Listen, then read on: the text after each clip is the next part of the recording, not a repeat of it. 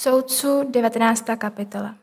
V těch dnech, kdy neměli v Izraelci krále, pobýval nějaký lévic jako host v odlehlých končinách Efraimského pohoří. Vzal si za ženinu jakousi ženu z judského Betléma, ale ženina se proti němu provinila smilstvem a odešla od něho do otcovského domu, do judského Betléma. Byla tam po dobu čtyř měsíců. Její muž se za ní vypravil, aby ji domluvil a pohnul jí k návratu. Měl s sebou svého mládence a pár oslů. Ona ho uvedla do otcovského domu. Jak, jakmile ho dívčin otec spatřil, šel mu eh, radostně vstříc. Pak ho jako tchán dívčin otec zdržoval, takže u něho zůstal tři dny. Jedli a pili a nocovali tam. Čtvrtého dne, za časného jitra, když se zvedl k odchodu, řekl dívčin otec svému zeti. Posilni se soustem chleba a potom půjdete. Tak zůstali a oba, a oba spolu jedli a pili. Potom dívčin otec vybídl muže. Buď tak laskav, zůstaň ještě přes noc a buď dobré mysli. Když se muž přece zvedl k odchodu, přinutil ho jeho tchán, že tam opět zůstal přes noc. Pátého dne, za časného jitra chtěl odejít, ale dívčin otec na něho zase naléhal. Posilně se, prosím. Pozdrželi se, až den pokročil a oba pojedli. Potom se muž se svou ženinou a mládencem zvedl k odchodu. Jeho tchán, dívčin otec mu však řekl, pohleď, den se schyluje k večeru, zůstaňte přes noc. Den se přece sklání, přenocujte zde a buď dobré mysli. Zítra za časného jitra se vydáš na cestu a půjdeš ke svému stanu. Avšak muž nechtěl zůstat přes noc. Zvedl se k odchodu a odešel se svým párem osedlaných oslů a se svou ženinou až naproti Jebúzu, což je Jeruzalém. Když byl u Jebúzu, den téměř minul. Tu navrhl mládenec svému pánu. Pojď prosím, uchýlíme se do tohoto jebúzejského města a přenucujeme v něm. Ale jeho pán mu odvětil, neuchýlíme se do cizího města, které nepatří Izraelcům. Půjdeme dál do Gibeje. A pobídl mládence, pojď, abychom se přiblížili k některému z těch míst a mohli přenocovat v Gibeji nebo v Rámě. Šli tedy dál, slunce už zapadlo, když byli u Benjamínského Gibeje. Uchýlili se tam a vstoupili do Gibeje, aby přenocovali. Když tam Léviec přišel, usedl na, městkou, na městském prostranství, aby nebyl, ale nebyl tu nikdo, kdo by jej přijal na noc do domu. I dnes, stejně jako minule, když byl čten tento text, jsem v duchu litoval naše mladé, protože, jak jste si jistě všimli, je to text, který skutečně bychom raději Bibli neviděli, že? A přitom i téma dnešní biblické zní život v zaslíbené zemi. Nejraději bychom to slovo zaslíbená země v tomto případě dali stranou, protože ve slově zaslíbený slyšíme něco úplně jiného, než to, co jsme slyšeli z poselství těchto 30 veršů. Z nich plyne něco, co se nám nezhoduje se zaslíbením. Spíše z toho pramení jakési zlořečení. Jeden hřích se kupí přes druhý, jak už jsme si řekli minule, z poselství této 19. kapitoly nám křesťanům není moc dobře.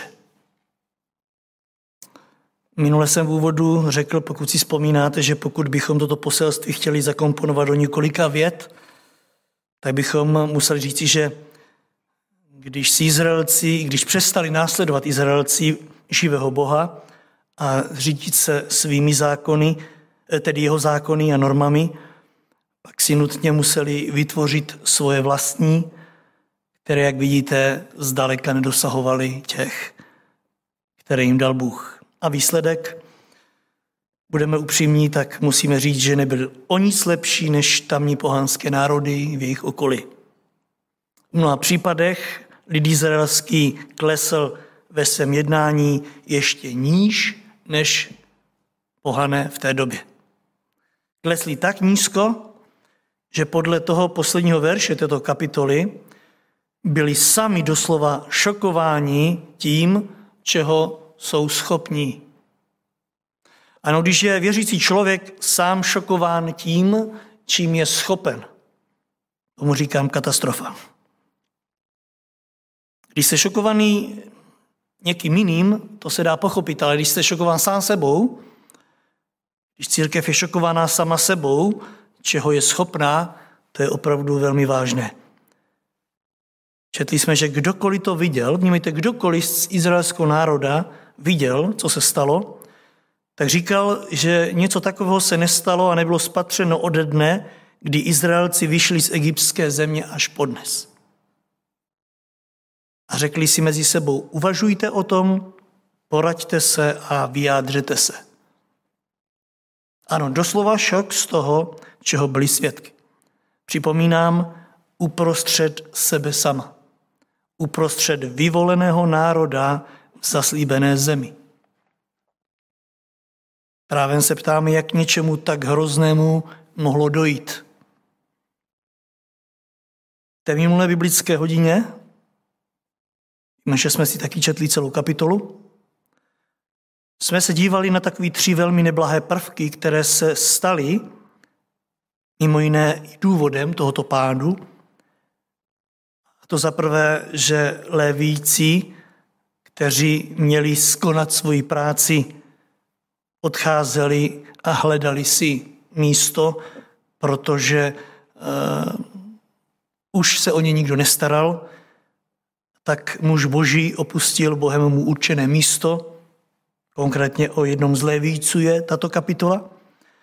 Za druhé jsme si řekli, že jim chyběl vůdce, chyběl jim ten, kdo stál v čele. Ano, nebylo krále, Bible říká, každý si dělal co, co sám viděl za správné.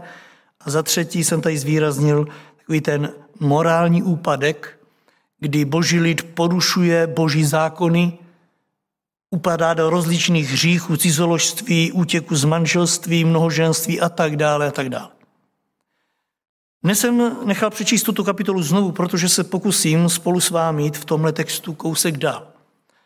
Pokusím se pozastavit nad některými takovými dalšími záchytnými body, které vnímám, že se staly též důvodem k pádu božího lidu, tak, jak nám je tahle kapitola předkládá. A věřte mi, přeji si dnes, aby výsledkem tohoto studia i této kapitoly bylo spatřit celou tu jejich bídu hned v začátcích, protože když to nevidíme v začátku, pak ty konce jsou katastrofální. Věřím, že to může být velkou prevencí i pro životy každého z nás, kdo si myslíme, že nás se to jednoduše v této době už netýká, že to jsme mimo, ale pravdou je, že nám je to blíž, než si myslíme. Pojďme se podívat na ten čtvrtý důvod vedle těch tří z minule. Já se chci spolu s vámi podívat v tomhle textu na laxnost otce. Četli jsme tady, že tenhle léviec, který se vydal po čtyřech měsících pro svou manželku, která mu utekla, nebo lépe řečeno pro svou ženinu, kterou měl ve své, vedle své manželky, po čtyřech měsících se mu nějak po ní zasteskne a tak jde do domu jejího otce. Na jednu stranu je to velmi krásné gesto. Však to mohl nechat tak, jak to bylo. Mohl si říct, si chtěla odejít, tak odešla, má co chtěla, najdu si jinou, však žena jako žena, v tomhle případě otrokyně jako otrokyně, byla to jeho ženina. Jenomže podívejte, on to tak nenechává.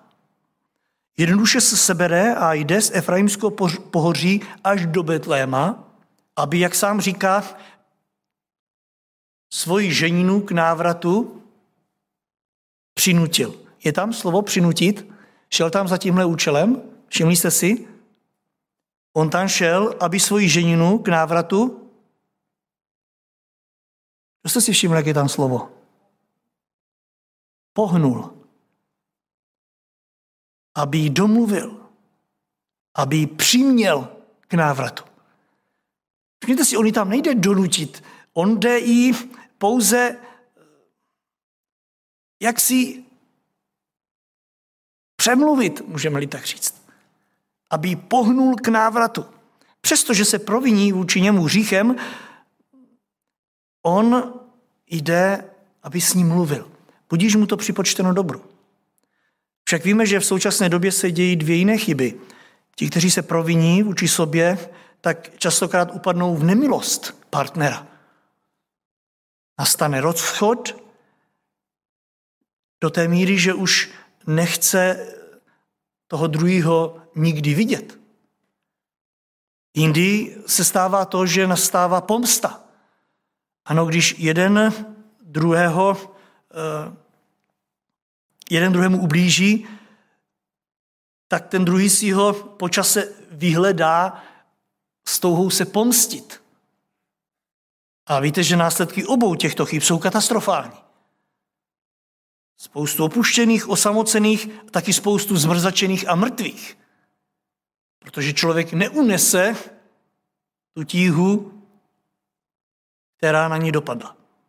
A nedívme se tomu, ďábel je vrahem od počátku a vraždí v dnešních dnech ve velkém, však se denně setkáváme ve zprávách s tím, jak ti bývalí si vyhledají ty své a sáhnou jim na život. Chtějí se pomstit. V tomhle textu je krásné vidět, že i když v Izraeli není král, i když Izraelci mají svoje zákony si udělají, stále tam vidíme v životě tohoto člověka určitý soucit a říká si, je čtyři měsíce pryč, ublížila mi, ale já ji vyhledám a pokusím se jí přemluvit, aby se vrátila. Stále tam vidět ta milost, stále tam vidět ještě ta láska tohoto muže vůči této své ženině. A mě moc těší i to, že když přijde do jejího domu, jen co ho viděl, tak jeho tvář se rozářila. Nesáhl po něčem, co tam měl vedle, i když mohl, mohl zareagovat úplně jinak, mohl se ani obořit, klidně ho zbít nebo zabít. Však byl na domácí půdě, čteme, že ho přijal s láskou, radostí. Tady opět něco, co v dnešním světě moc nenacházíme. Lidé řeší konflikty silou. Je pravda, že čtyři měsíce byly čtyři měsíce, to už e, tak trošičku ty hlavy vychladnou na obou stranách. Říká se, že čas je lepší lékaři v tomhle, ale ďábel zůstává stejný a já si umím představit, že si nepřál, aby to takto proběhlo v klidu, ale díky Pánu Bohu za to, že i když Izraeli se lidé odklonili od Boha, stále v jejich srdcích nacházíme takovéto lidství. Prostě to o pokoji. Takže dosud všechno v pořádku, ale co dál? Budeme sledovat tohoto otce dál. A já si nemůžu pomoct, já už tam nic moc dobrého nenacházím. Podívejte se, co se stane. Tenhle muž se jednou, v jednu chvíli zvedne a chce odejít. Je patrné, že eh, ta žena se rozhodla jít s ním. Že jí k tomu přemluvil a ona se rozhodne, že se tedy vrátí. Když ji tedy odpustil, tak se chce vrátit s ním. A čtvrtý verš čteme, že jeho tchán, dívčin otec, se rozhodl, že ho pozdrží, Říká mu, zůstaňte tady chviličku, když nemusíte tak spěchat. A Bible říká, takže u něho zůstal tři dny. Co myslíte, je na tom něco špatného, že ho tchán zastavil a říkal, zůstaň tady, pozdrž se. Určitě ne, naopak, jednali bychom určitě stejně, však nechce se nám někdy pustit z domova ty naše tak rychle. Chvíli, když se zvednou, že budou odcházet, tak říkáváme, ale vždyť, vždyť chviličku ještě zůstaňte, posečkejte, však pojedete později, ještě jsme nic ještě si tak nějak neužili. Stejně tak tenhle muž a mladá rodinka, čteme, jedli, pili a nocovali tam. Moc se mi to líbí, celé tři dny. Dál jim tři dny. Pátý verš ale říká čtvrtého dne, za časného jítra, když se zvedl k odchodu, řekl divčin otec svému zeti, posilni se soustem chleba a potom půjdete. Máš moje slovo. Byl jsi tady tři dny, chceš už teď odejít, v pořádku, souhlasím, ale nechoďte hladovi. To je takové lidské, že? Říkáme to, tak zůstaň chviličku, tak se, doufám, že se nasnídáte, že nepojedete bez snídaně. Stále to chápeme. Však je dobře. Jenomže, jenomže ono se z té snídaně stal ještě další den. No tak co jeden den, tak svět se nezboří, ne? Navíc v té době mám tak, takový pocit, když si čtu Bibli, jako by se čas nepočítal jako dnes. Dnes ho počítáme někdy na minuty, musíme být teď tam a potom tam a potom tam. Hlavně ve starém zákoně, když si to tak čtu, tak mám pocit, že se to počítalo minimálně na dny, týdny, měsíce, tak týden sem, dva týdny zpátky, nebo tři měsíce tam, tři zpátky, že když šli eh, bratři eh, Josefovi do Egypta, no tak šli, za půl roku se vrátili, no a tak co tak? Takový to trošičku bylo nějak jiné než dnes, takové neúspěchané. A tak chápu i tohoto uh, muže, že se nasnídal a, a tak čas pokročil a tak zase zůstali a, a tak zase si povídali a zase jeden den šel pryč. Tak sedmý verš čteme, když se muž přece jenom zvedl k odchodu, přinutil ho jeho tchán, že tam opět zůstal přes noc. Tady už musíme spozornit. Eh, po třech dnech zůstane ještě čtvrtý, snídaně se protáhne už až do odpoledne a tchán zasáhne a přinutí ho, že tam ještě přespí. Eh, tchán, poprvé tady čteme, že sáhl k takovým eh, donucovacím prostředkům. Bible říká, že ho přinutil. On nechtěl, ale on ho přinutil, aby zůstal. A tak přišlo další ráno. Osmý verš. Pátého dne, podívejte se, už jsme na pátém dní, začasného jítra, chtěl odejít, ale dívčin otec na něho zase naléhal. Posilni se, prosím. Pozdrželi se, až den pokročil a oba pojedli. Potom se muž se svou ženinou a mládencem zvedl odchodu.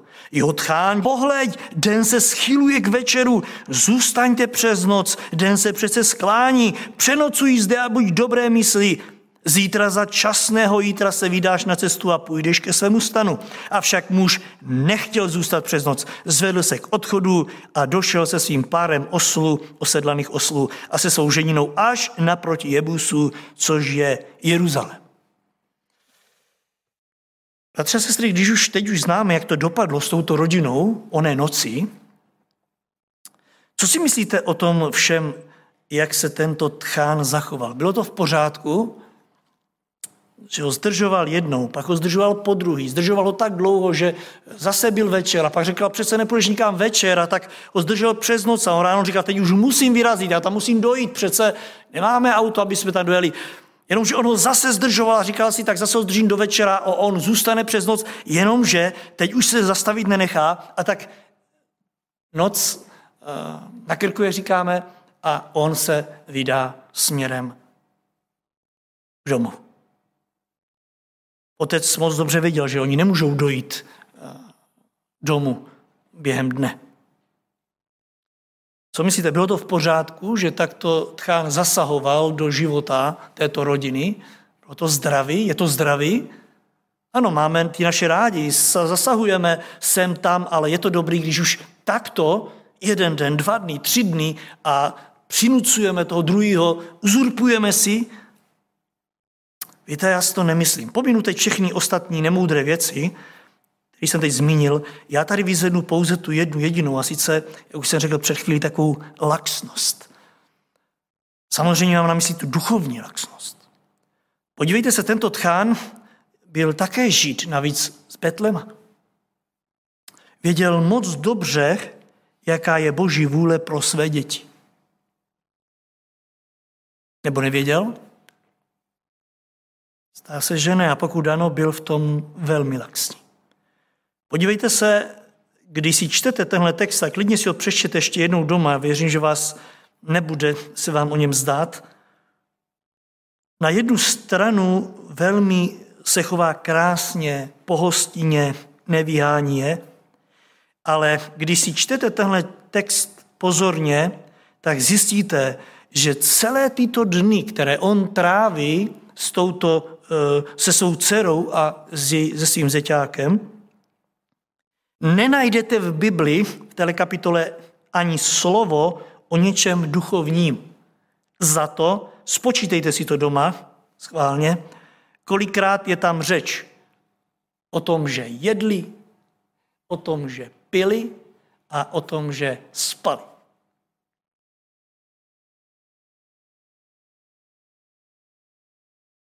Neměl ten čas tenhle otec, když už tedy je zdržoval, vyplnit něčím užitečnějším, to bychom ho chápali. Neměl ten čas využít k tomu, aby se to, co se u jeho dcery a vůbec v té rodině stalo, už neopakovalo?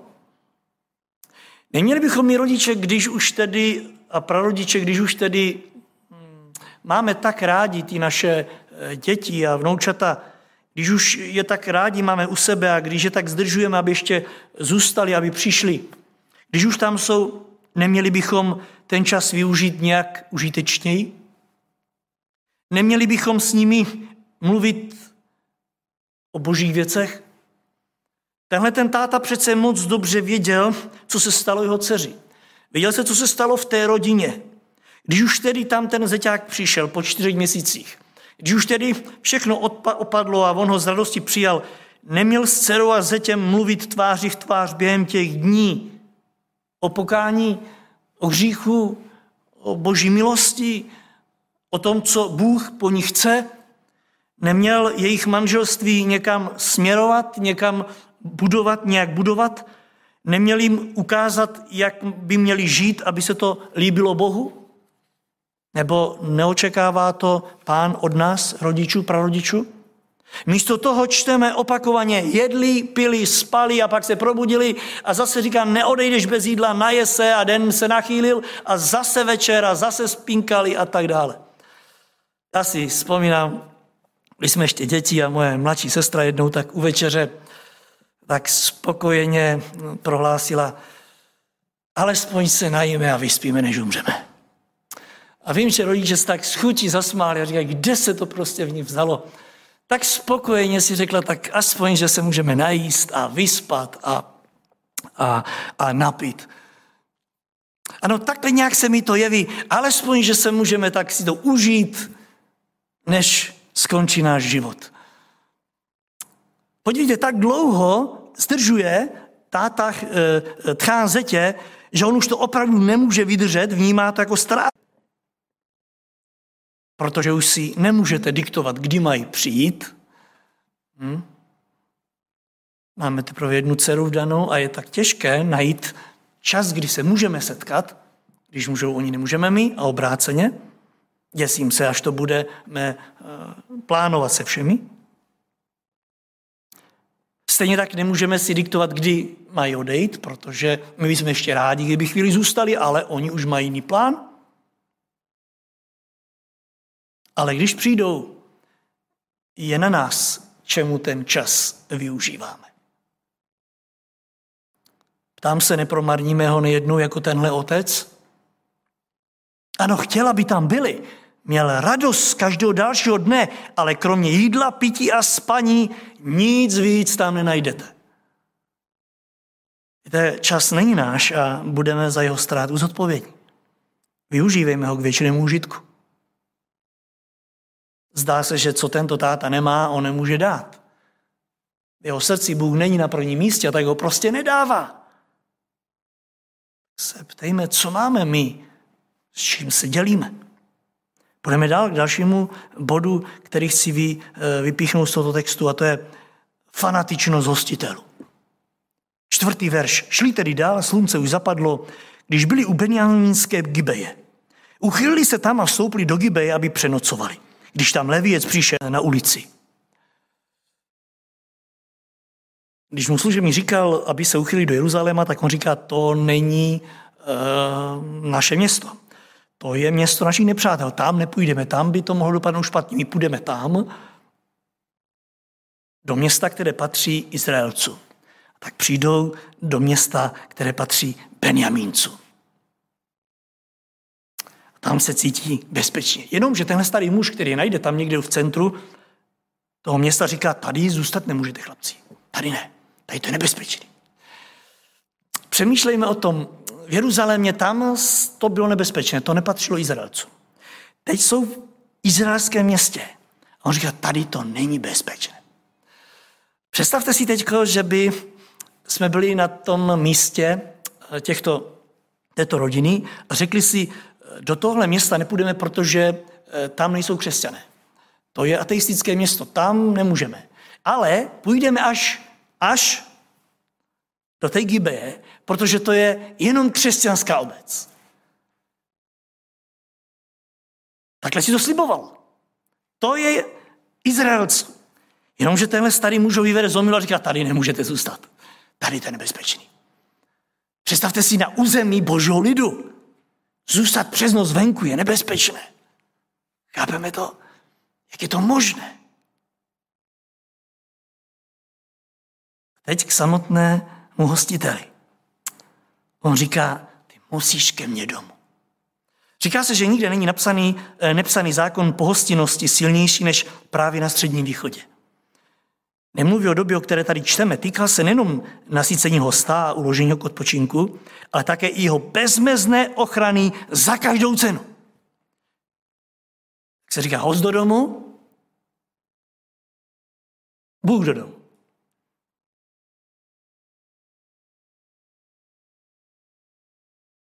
Bylo to jistě částečně od Boha, však měl v Izraeli, Izraelci měli nařízené, aby se starali o hosty.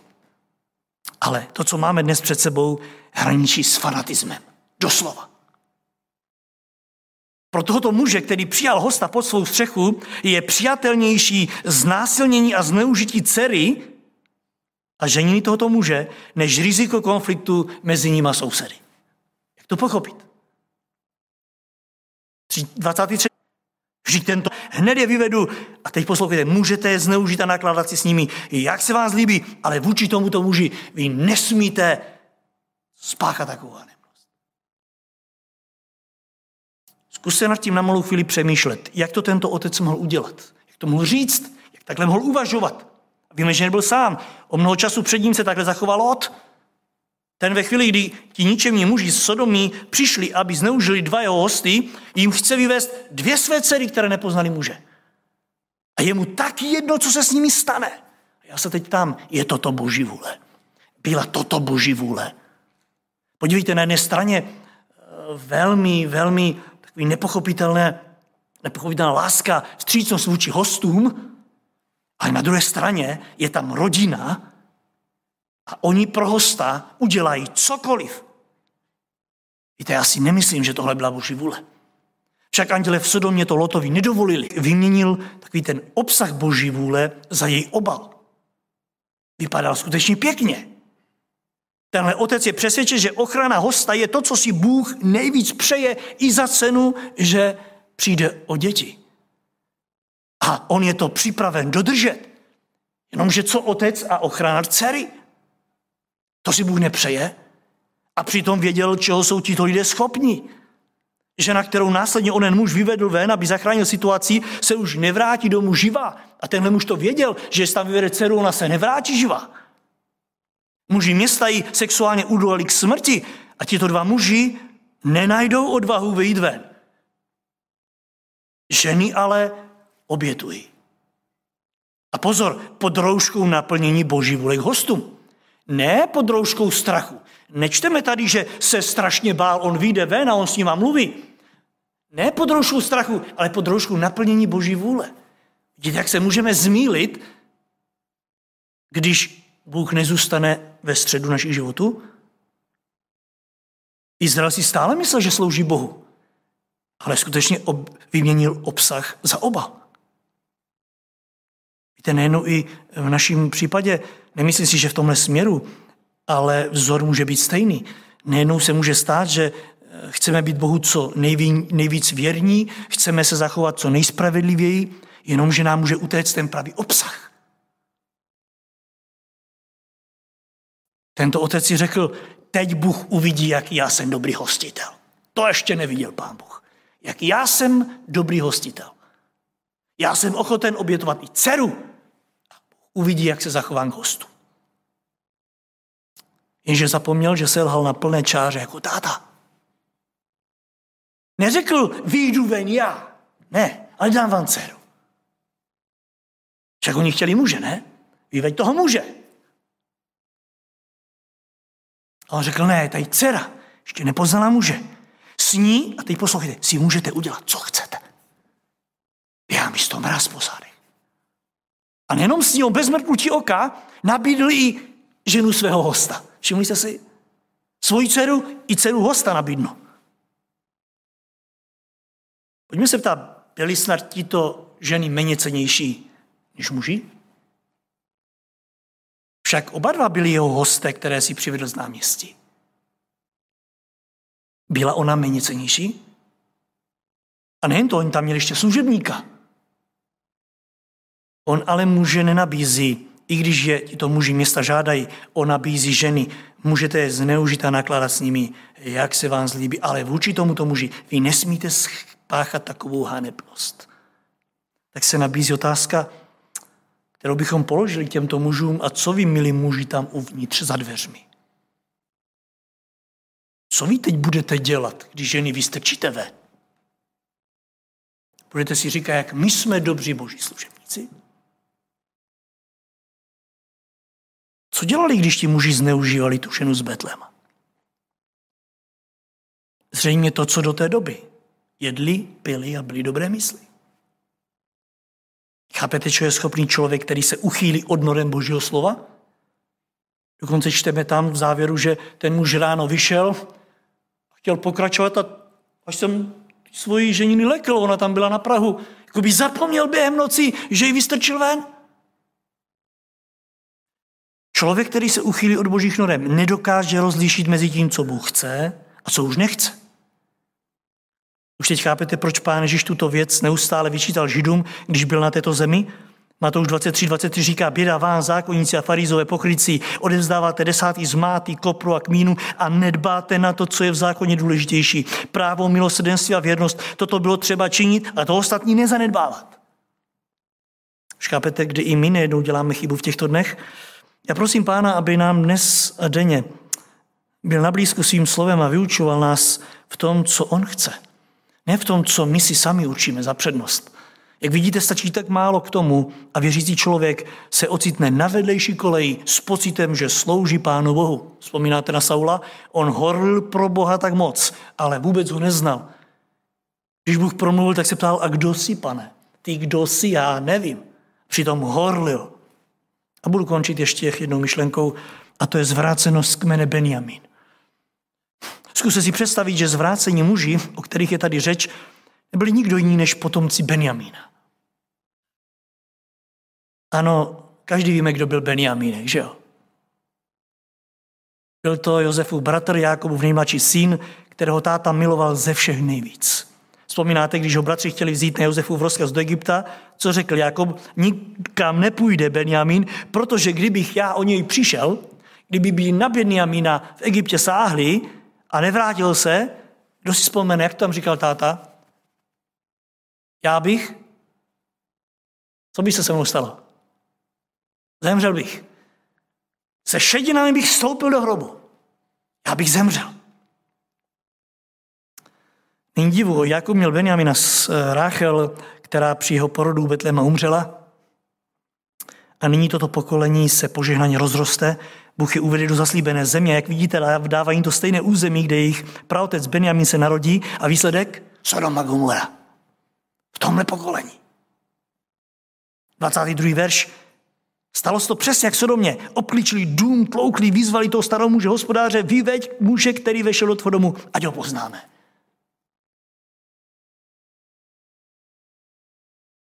Boží vyvolený lid v zaslíbené zemí v pozici homosexuálu. Je to možný?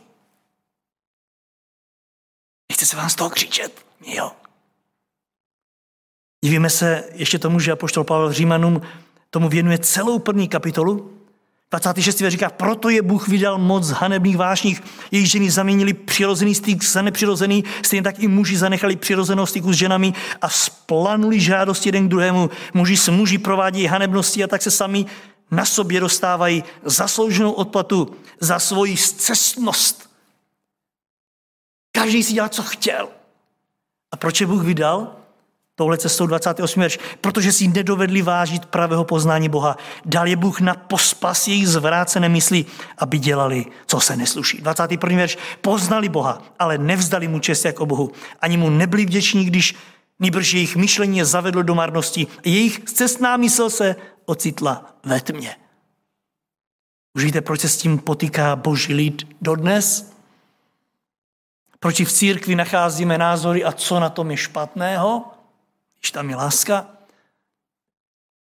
potýkáme se z toho s tím ze stejných důvodů, protože si boží lid přestal vážit pravého poznání Boha. Pravého poznání. Přestali jsme si vážit pravého poznání. Zdá se nám, že už je to nějak přežité. A tak začínáme vymýšlet, jak by to mohlo být jinak. Ano, i přesto, že jsme ho poznali, přestáváme si to vážit. Víme, že písmo říká, že to je horší, než kdybychom ho vůbec nepoznali. Tak bratři, sestry, nezapomeňte, toto byly důvody pádu božího lidu tenkrát a toto jsou pády božího lidu i dnes. Ano, kdykoliv odejdeme od Boha a jeho slova, může se do našeho srdce vetřít všechno možné zlo. To, co si ještě dnes večer ani neumíme představit, to se tam vetře. Ten odklon samozřejmě může být velmi pozvolný, jako tenkrát u Benjaminovců. Kdo by si řekl, že tento kmen dopadne takhle špatně. Ale jak vidíte, důsledky toho odklonu ovlivnili celé další generace. A nejinak tomu bude v církvi Kristově, pokud Boží slovo nebude tvořit to gro, jak se říká, ten základ. A pokud nezůstaneme na boží cestě, v opačném případě